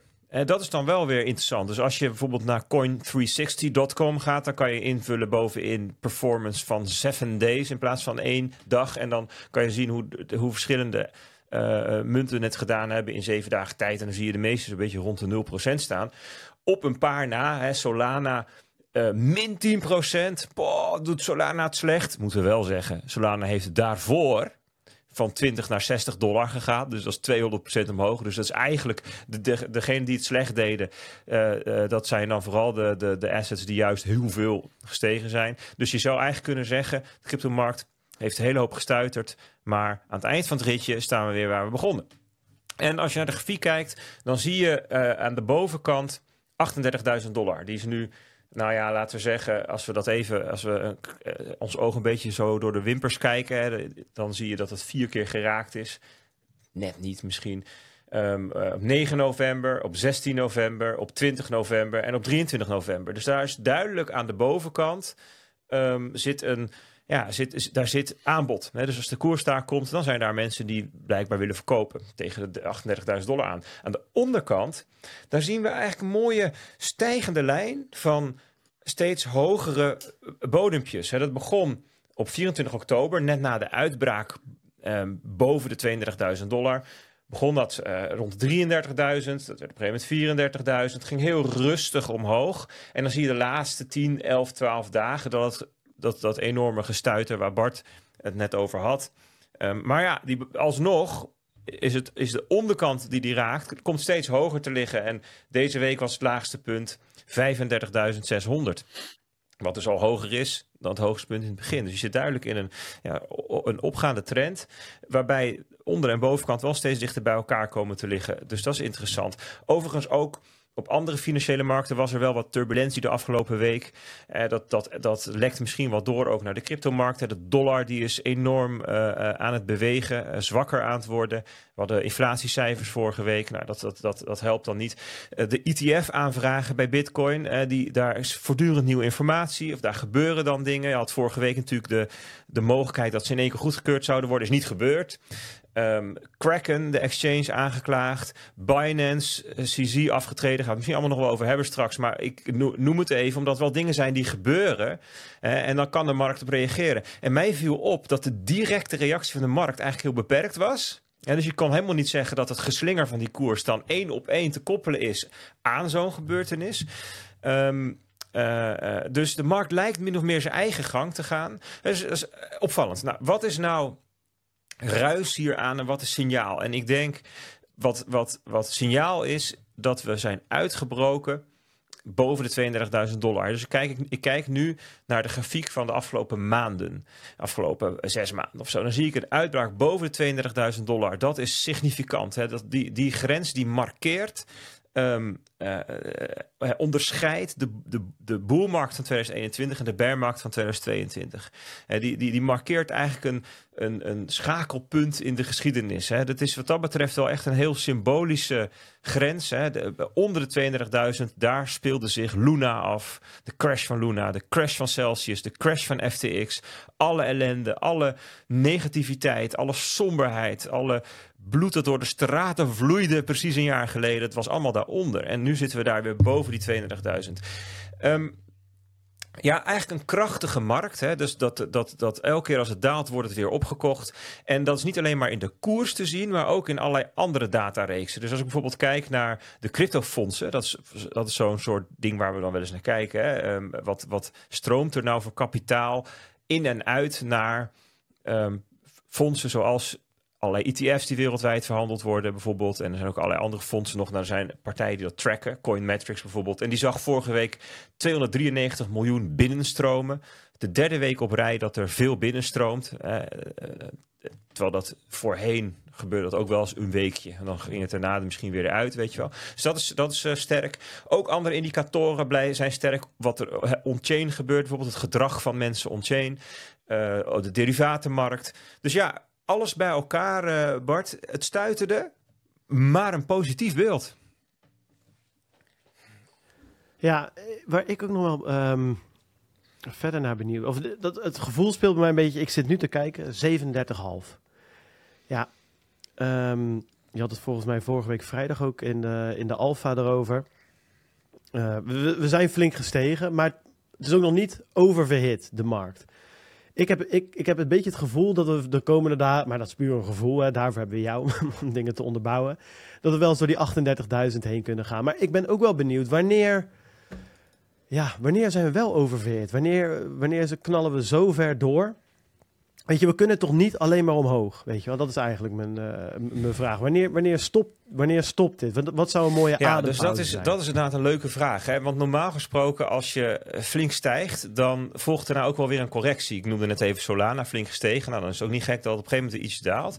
Hè? En ehm, dat, dat is tot nu toe eigenlijk uitgebleven. Hè? Dat is opvallend. Ehm, wat, ik, wat ik nu voor me heb, ik pak even de alfa van afgelopen vrijdag erbij. En dan heb ik hier de, de, de grafiek van de afgelopen twee jaar. Je zou hem er ook even bij kunnen pakken als je dit luistert. Dat is wel, namelijk wel interessant. Wat je dan ziet op de grafiek is aan de linkerkant de stapsgewijze daling in 2022. Hè, ehm, eh, Luna, Celsius, FTX, elke keer een trapje naar beneden. En aan de rechterkant een stapsgewijze stijging in 2023. In het begin van het jaar, dan bij Silicon Valley Bank en dan Black, BlackRock. En dan zijn we nu uitgebroken boven die 32.000 dollar. Eh, inmiddels vier weken geleden. Dat, dat, dat, dat niveau noemen we vaker van grote betekenis. En wat we dus nu zien is een stijgende trend. Hogere toppen, hogere bodems. En dan kijk ik ook nog eens eventjes naar het 200-daags gemiddelde. Die, die, ja, die fungeert ehm, bij Bitcoin, maar trouwens in allerlei eh, financiële markten heb je vaak zo'n soort voortschrijdend gemiddelde. Die, die, die fungeert dan als een soort ehm, steun in stijgende trends en een soort weerstand in dalende trends. Die laat zien eigenlijk wat de trend is. En als de koers boven dat 200-daags gemiddelde is, boven dat gemiddelde, dan heb je duidelijk een stijgende trend en zit het te ver onder, dan heb je duidelijk een dalende trend. Dat is, dat is een beetje soort hoe die indicator gebruikt kan worden. Wij zitten daar nu ver boven, want dat 200-daags gemiddelde ligt op 29.000 dollar. Het horizontale niveau waar we naar keken was 32.000 dollar. En kijk, als je zo'n stijgende trend hebt, dan, dan zullen we die trend ook ooit testen. Ja, dat is hoe dat werkt. Hè. Ehm, dat gebeurt gewoon op enig moment. Al is het, dat kan doordat de koers daalt. Het kan ook dat de koers zijwaarts gaat. Hè. Dan op een gegeven moment kom je de trendlijn of de, het gemiddelde weer een keertje tegen. Dat is eigenlijk wat er eh, deze zomer gebeurde. Gingen we 7,5 maand zijwaarts. En op een gegeven moment dan zie je ja, dat de trendlijn wordt getest. Nou, dat, die doorbraken we dan. En dan had je dus Ja, omdat die trendlijn Ja, trend- dan steeds natuurlijk ja, dichter bij de koers gaat diagonaal kruipt, zeg maar. omhoog. Hè? Want die verbindt de bodems met elkaar Ja, bijvoorbeeld. En zo'n gemiddelde, die kruipt ook omhoog. Want ja, als de koers erboven zit, dan wordt het gemiddelde omhoog getrokken. Dus we gaan het op een gegeven moment hoe dan ook een keer testen. Ehm, en in, in dalende trends, dan ga je hem ook testen, maar dan vanaf de onderkant. Ehm, en, en dat kan heel gewelddadig gaan. Het kan heel rustig gaan. Hè? Dat, dat, dat, verschilt. Maar goed, wat, dus de horizontale eh, lijn, die, ja, die, die zou logischerwijs eigenlijk ook getest moeten worden. Hè? Dat is wat je vaak ziet. Die ligt op 32.000. Het gemiddelde ligt nu op 29.000 dollar. Stel dat we vanaf, vanaf hier de trend zouden testen. Ja, dan zou dat dus een correctie zijn daar naartoe van nu een procent of 15 tot 25. Een beetje afhankelijk eh, hoe diep die gaat. En dat is prima. Dat zijn hele normale correcties. Dat zou kunnen. Ehm, stel dat we nu eerst naar 40.000 dollar gaan, wat ook kan. Zelfs dan zou dat van 40 naar 30 terug nog steeds een hele normale correctie zijn in een, in een bullish trend. Dus ehm, nee, het, het kan inderdaad niet alleen maar omhoog gaan. Dat klopt. Ehm, en als we nu zouden corrigeren, dan zou je moeten denken aan ergens tussen de 29 en 32.000 dollar als logische eh, doel van zo'n correctie. Maar ja, dat kan best ook nog even duren. Het, het is ook helemaal niet gek voor een sterke trend, een sterke, krachtige. Eh, eh, ehm, eh, ja, het, het- bij trend, dat is dus een beweging van de prijs, maar daar hoort ook bij het sentiment in de markt. Dat is namelijk ook heel positief. Dat, je, dat het gewoon een tijdje duurt. Hè. Dus we kunnen best naar 40, kunnen zelfs naar 48.000 dollar gaan en daarna pas die correctie. Maar die komt wel natuurlijk een keertje. Ehm, kijk, zo'n correctie. hè, je had het net over oververhit zijn. En ik had het ook in de, de, de al- alpha markets van afgelopen vrijdag over. Hè, van wan- wanneer. Of de, de, de koers is nu flink gestegen. Hè, want als je gaat, gaat kijken vanaf, eh, nou, laten we zeggen, september was de koers nog 25.000 dollar. Nu 38.000 dollar. Nou, ik kan niet zo goed hoofdrekenen, maar daar heb ik wel een rekenmachientje voor. Doe ik even 38 gedeeld door 25. Dan zie ik dat is 50% stijging hè, sinds september. Ja, dat is niet, niet, niet slecht. Zeg je van ja, Ehm, is dat dan nog wel oké? of is de markt al oververhit? En mijn conclusie is, nee, de markt is nog niet oververhit. Dus wel gestegen, maar niet oververhit. Wat is oververhitting dan eigenlijk? Ehm, kijk, een kenmerk van een boelmarkt is dat de koers stijgt. En we hadden net over stijgende trend. En wat betekent dat? Steeds hogere toppen, steeds hogere bodems. Dat is hoe je een stijgende trend herkent. En die stijgende koers, die is reflexief. Dat, we hebben het daar ook wel eens een keertje over gehad, volgens mij. Hè. Eh, toen refereerde ik naar George Soros. Ehm, die heeft over geschreven in The General Theory of Reflexivity. Interessant als je de markt wil begrijpen om dat eens te lezen. En hij zegt, heeft, het is een soort zelfversterkend effect wat je kunt zien. En dus de koers die stijgt, dat zorgt ervoor dat het aantrekkelijk is om datgene wat stijgt te bezitten. Want mensen willen graag iets bezitten wat aan het stijgen is.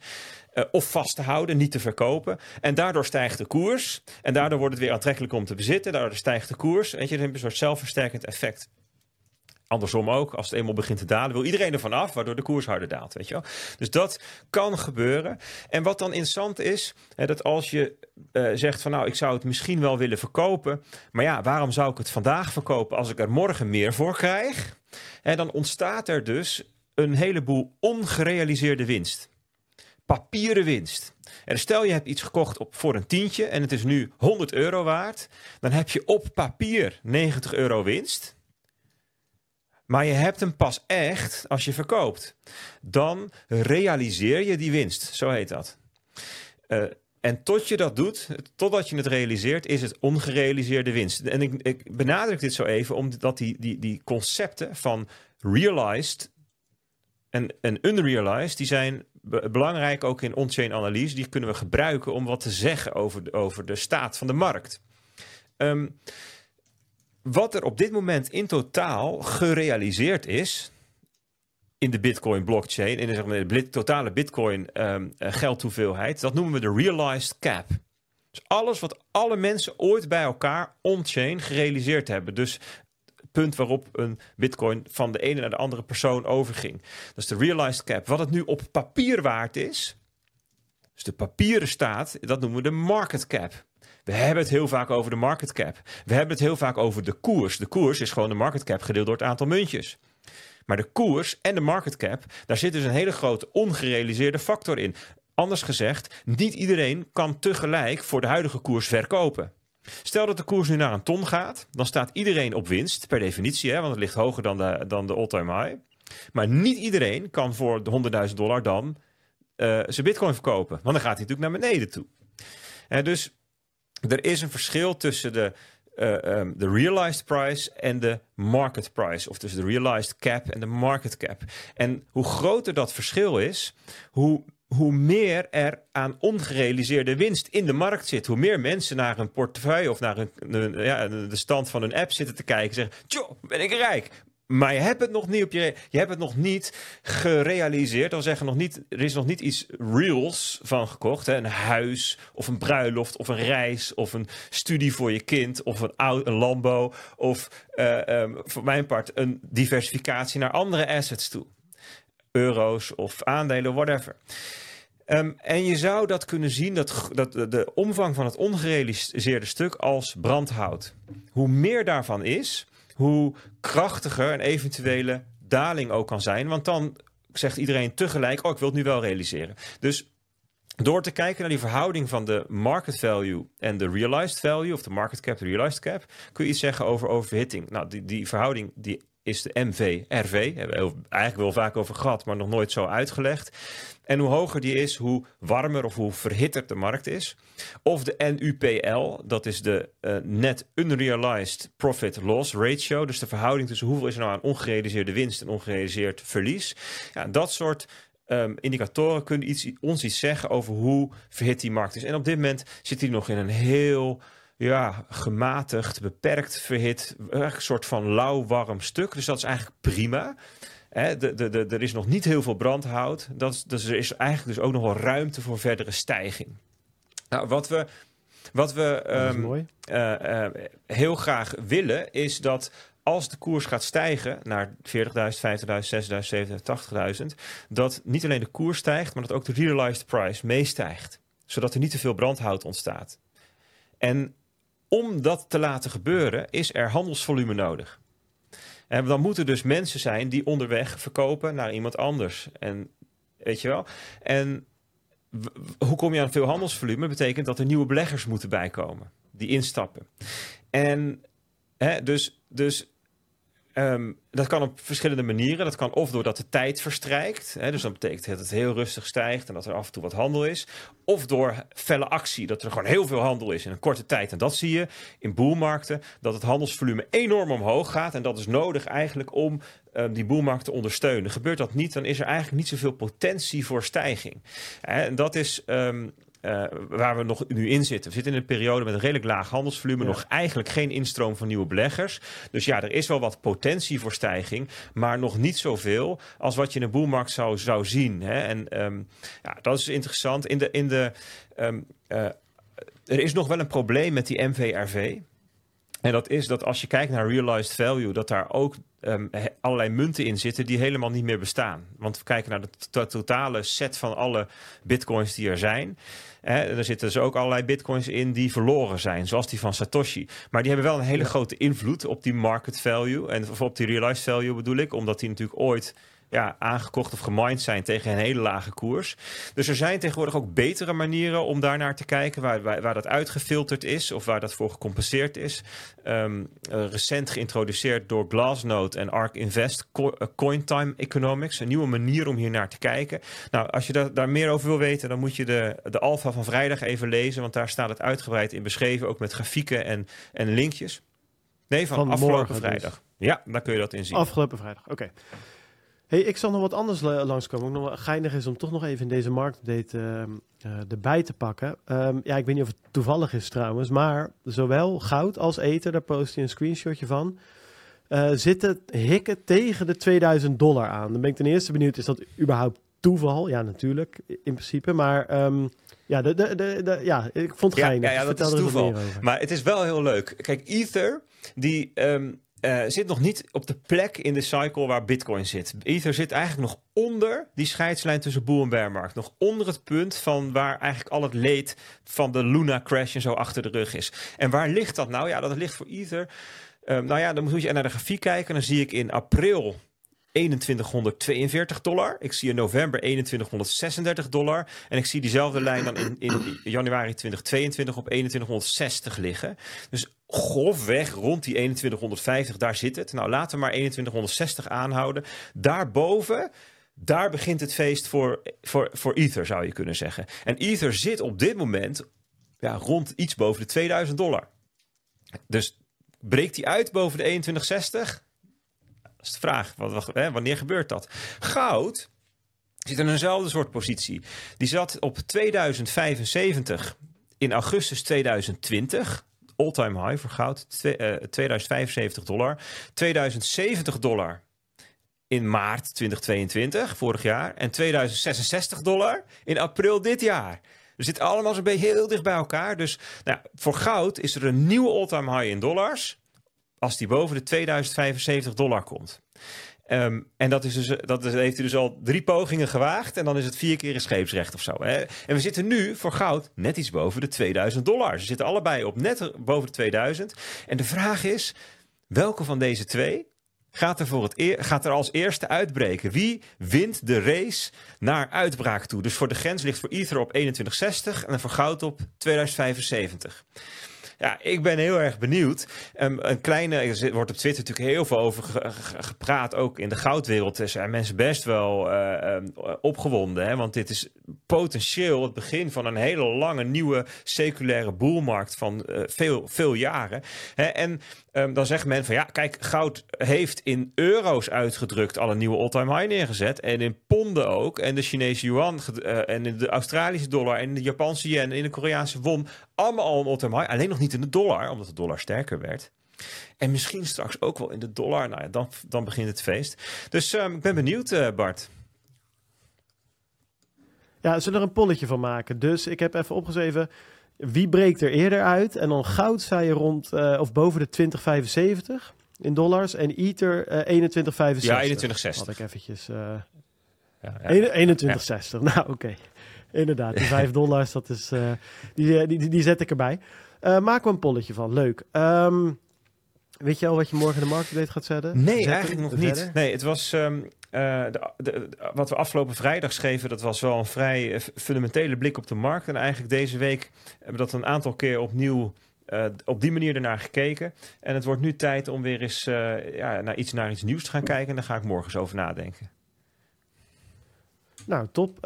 Wil je dat direct ontvangen? Nou, dan kan je lid worden van Bitcoin Alpha. En dan krijg je morgen op vrijdag dus direct de Alpha Markets, de complete Alpha Markets van Bert in je brievenbus. Digitale brievenbus. Inschrijven kan op bitcoinalpha.nl. Ja, dan hebben we nog één grote roze olifant in de kamer, Peet. En die heet CZ en Binance. Want daar is natuurlijk nog wel een en ander rondom gebeurd. Ik denk dat ik hem gewoon direct aan jou geef. Ja, Hartstikke goed. Dan gaan we daar eens even doorheen. Um, ja, jij hebt volgens mij iets van Jellen onder de knoppen. Die moet je maar eventjes bewaren totdat ik zeg nu spelen. En dan ja, gooien we Jellen erin. Ja, dus het was uh, dinsdagmiddag, uur of vier. En toen uh, zagen wij ja, wel wat berichten langskomen, verontrustende berichten langskomen. Uh, iets zou er vanuit het ministerie van Justitie van de VS gezegd gaan worden over een grootschalige cryptocurrency actie. Nou ja, we hebben daar gelijk eventjes op Discord een alertje voor gemaakt. Want we zagen ook de volatiliteit toenemen. Van jongens, um, even een waarschuwing. Um, er gaat meer informatie naar buiten komen. Dat kan ook nep zijn. Let daarop. En hou rekening met die toegenomen volatiliteit. Dat is altijd handig voor de mensen die dan even meelezen op Discord. Um, en ik herinnerde me, herinnerde me de vorige keer dat zo'n soort vooraankondiging verscheen, ging het om Bitslato. Dat was toen helemaal niet zo schokkend, maar ik zei er ook bij, dat maakt. Hè, wat we toen zagen, hoeft niet te betekenen dat het nu ook met een sisser afloopt. En het maakte het ook niet per se minder spannend. Er verscheen al wel een uurtje later meer informatie via Bloomberg. Um, toen werd bekend: hey, dit gaat om Binance. Nou ja, dat verbaasde ons op zichzelf niet natuurlijk. CFTC en de SEC die hadden al civiele procedures aangespannen over strafrechtelijke uh, stappen. Daar gingen nog wel geruchten en zo. Um, maar die bleven onbevestigd. En ja, dat dat dan nu dan, dat er toch echt iets mee zou gaan gebeuren, dat, dat lag wel in lijn der verwachtingen. Uh, later kwam via de Wall Street Journal ook nog van alles naar buiten, meer details. Uh, de krant schreef dat de Binance-oprichter Changpeng Zhao Zizi schuld bekend zou hebben aan het overtreden van witwasregels en dat hij aftreedt als CEO. Uh, en dat hij zich niet meer mag inlaten met allerlei bestuurlijke aangelegenheden uh, als Binance-bestuurder. En dat hij ook nog eens een hele hoge uh, miljoenenboete moet gaan betalen. Nou, en dan, ja, weet je, ik heb er al zo en maar dan hebben we als klap op de vuurpijl. Nou ja, dat klinkt feestelijk, maar dat is voor CZ helemaal niet. Er hangt ook nog een zelfstraf boven zijn hoofd. Um, Binance zelf, die koopt alle aanklachten af, hè, volgens de Wall Street Journal, met een miljardenboete. 4,3 miljard uh, zou dat een van de hoogste schikkingen ooit worden. Dit stond dus in de krant. 9 uur s'avonds zou er een persconferentie beginnen. Dat werd half tien. Wij zaten er allemaal klaar voor. Tijdens het debat was het nog. Alles stond Zeker. aan. Het, het, slotdebat dat speelde ook nog op de achtergrond, maar ik maakte even plaats. Ik dacht, nou, het slotdebat, dat uh, geloof ik wel. Dat werd ook niet. Ja, maar laten we het andere keer hebben het daarover. Misschien ooit. Um, wat op beeld verscheen, was de voltallige top van de Amerikaanse justitie. En één voor één bevestigden de sprekers precies wat er in de Wall Street Journal al op papier gezet was. Dus eigenlijk niets nieuws. Um, wat er vooral werd toegevoegd was een soort van ja, signaal vanuit de VS. Van jongens, dit is. Wij hebben onze spierballen laten zien. Ik had daar persoonlijk dan misschien andere mensen neergezet dan de mensen van de bejaardenafdeling van verzorgingstehuis uh, uit Huppel de Pub. Maar dat terzijde. Uh, onderdeel van uh, de afdeling geriatrie was. Uh, hoe heet ze ook weer? Jellen, hè? Ja, Janet. Jan Janet Jellen. Ja, en. Ja, de, de een die spreekt nog onverstaanbaarder dan de, dan de ander. Maar Jellen, oké, okay, president Biden, ja, die gaat toch weg met de hoofdprijs voor, voor onverstaanbaar spreken. Maar Jellen kan er ook wat van. En ze, zeker de manier waarop ze Binance de hele tijd uitsprak. Binance. Nou, het, er kwamen allerlei varianten langs. Ja, dat was voer voor meme. Dat was echt meme-materiaal. Dat heeft Bart onder de knoppen. We are here today to announce that the Justice Department has secured felony guilty pleas from the world's largest cryptocurrency exchange, Binance. Actually, it's Binance. Binance. Binance. Largest virtual. Binance. Binance. And let me be clear it's Binance. Binance. Binance, Binance, Binance. And let me be clear. It's Binance. Ik dacht eigenlijk dat het nog een andere zou zijn. Ik- Ja, ik- ik dacht, ik dacht het ook eerlijk gezegd. Maar deze was ook, eh, deze was ook Ah, leuk. deze, ja, dit is. Ik, ik, het- het- je krijgt toch wat strafpunten voor de voorbereiding, Bart. Ja, er is namelijk nog een, een veel mooier clipje. ehm, en die zag ik via Bert op Discord belanden. En dan staan al haar variaties van, het, Ja, ja, van ja. de uitspraak van Binance op, op, een, eh, op een rijtje. Weet je Eh, wat, die goed. plak ik hier gewoon in. Die plak Die- ik hier voor de luisteraars, je- plak ik die erin. Oké, nou ja, die- die- Binance, Binance, Binance, Binance, with Binance, Binance, Binance's, Binance's, Binance, Binance. And with that, I'll turn the floor over to Deputy Attorney General Monaco. Is mooi. Dat was het hartstikke mooi. Pluspunten voor je voorbereiding. ja, je maakt het niet makkelijk, eh, jongen. Maar goed, Ehm, we gaan terug naar de, naar de tijdlijn. Ehm, dus CZ die heeft een bekentenis afgelegd. Die pled guilty. Ehm, mocht van de rechter wel terugvliegen naar Dubai. Eh, daar wacht hij af op de uitspraak. En hij plaatste, ja, dat zal op het internet van Binance zijn geweest, een bericht over ja, hoe hij die dag ervaren heeft. Hij zei: Het was een moeilijke dag. Ik moet nu omgaan met wat pijn, maar ik overleef het wel. Dat, is, eh, dat was een beetje een zwaarmoedig bericht. Ja, vind ik op zich niet gek. Ik bedoel, dat, je krijgt toch wat over je heen. Het, dat moet een ingewikkelde keuze zijn geweest, die, die toch al wel een tijdje boven zijn hoofd heeft gehangen. Ehm, dus ik kan me ook voorstellen dat het een bepaalde ontlading heeft gegeven. 23 februari 2024, dat is de dag dat de rechter oordeelt over zijn lot. En hij kan dan voor maximaal 16 maanden de cel ingaan. Maar er zijn ook best wat analisten die denken dat het uitmondt in een huisarrest. Een beetje zoals die CEO van, ja, van Arthur Bitmax, Hayes, Arthur. Hayes, Ja, ja. destijds ook overkwam. Ik weet het niet. Dit, dit, ja, dit, dit zweeft dus nog als ehm, ja, vooral boven het hoofd van CZ. Want ja, voor de markt denk ik dat, het, dat je best mag spreken dat hier een risico verdwenen is met, met, met deze hele ehm, ja, eh, aankondiging. Ja, En- ik zag memes langskomen. Pete. eh, waar mensen zeiden, CZ died for your bull Een market. soort religieuze Jezus stierf voor jouw zonde-achtige. Ja, ja, ja, ja, ja, ja, precies. Jesus died for your sins en CZ rond- died for your bull market. rond de, de persoon CZ heel veel verschillende takes langs zien komen. Van mensen die hem eh, bombarderen tot crimineel, tot aan mensen die, hem, die voor hem in de bres springen. Eh, en hem dankbaar zijn. Een soort eh, dankbrieven aan zijn aandeel in de cryptowereld. En alles ertussenin. Ehm, Richard Tang is de nieuwe CEO. Ehm, die heeft ook een bericht geplaatst. Eh, en die gaat een beetje hand in hand met een persbericht die vanuit Binance zelf werd geplaatst. Die zegt de fundering waarop Binance staat is vandaag sterker dan ooit. Ik weet het niet of dat echt zo is. Dit ja, klinkt een beetje als ehm, wishful thinking. Maar ja, ik denk wel dat het zo is. Dus de stoep van de cryptomarkt, die is wel een stuk schoner geworden. Dat is toch een sluimerende onzekerheid, een risico dat, dat boven de markt hing. Er is iets nog met de grootste beurs ter wereld. Er is nog, dus er, hangt nog een strafproces. Wat gaat dit allemaal, wat gaat hier gebeuren? Wordt hier iets onthuld waar we niet op gerekend hadden? Eh, gaat eh, in het meest extreme scenario Binance failliet?